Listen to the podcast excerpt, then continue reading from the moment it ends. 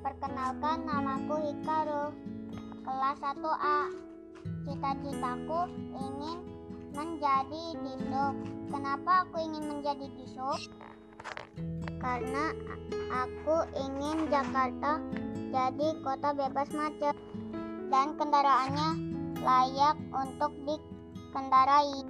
Aku ingin kendaraan umum seperti mikrolet, bus, kereta, dan lainnya layak dijadikan transportasi untuk masyarakat umum ke mana pun mereka pergi. Aku ingin negaraku Indonesia punya transportasi canggih seperti di luar negeri. Tapi sekarang aku belum tahu tugas di sub yang lain. Pak Guru dan teman-teman doain ya agar cita-citaku menjadi kenyataan. Terima kasih sudah mendengarkan podcast aku. Dadah.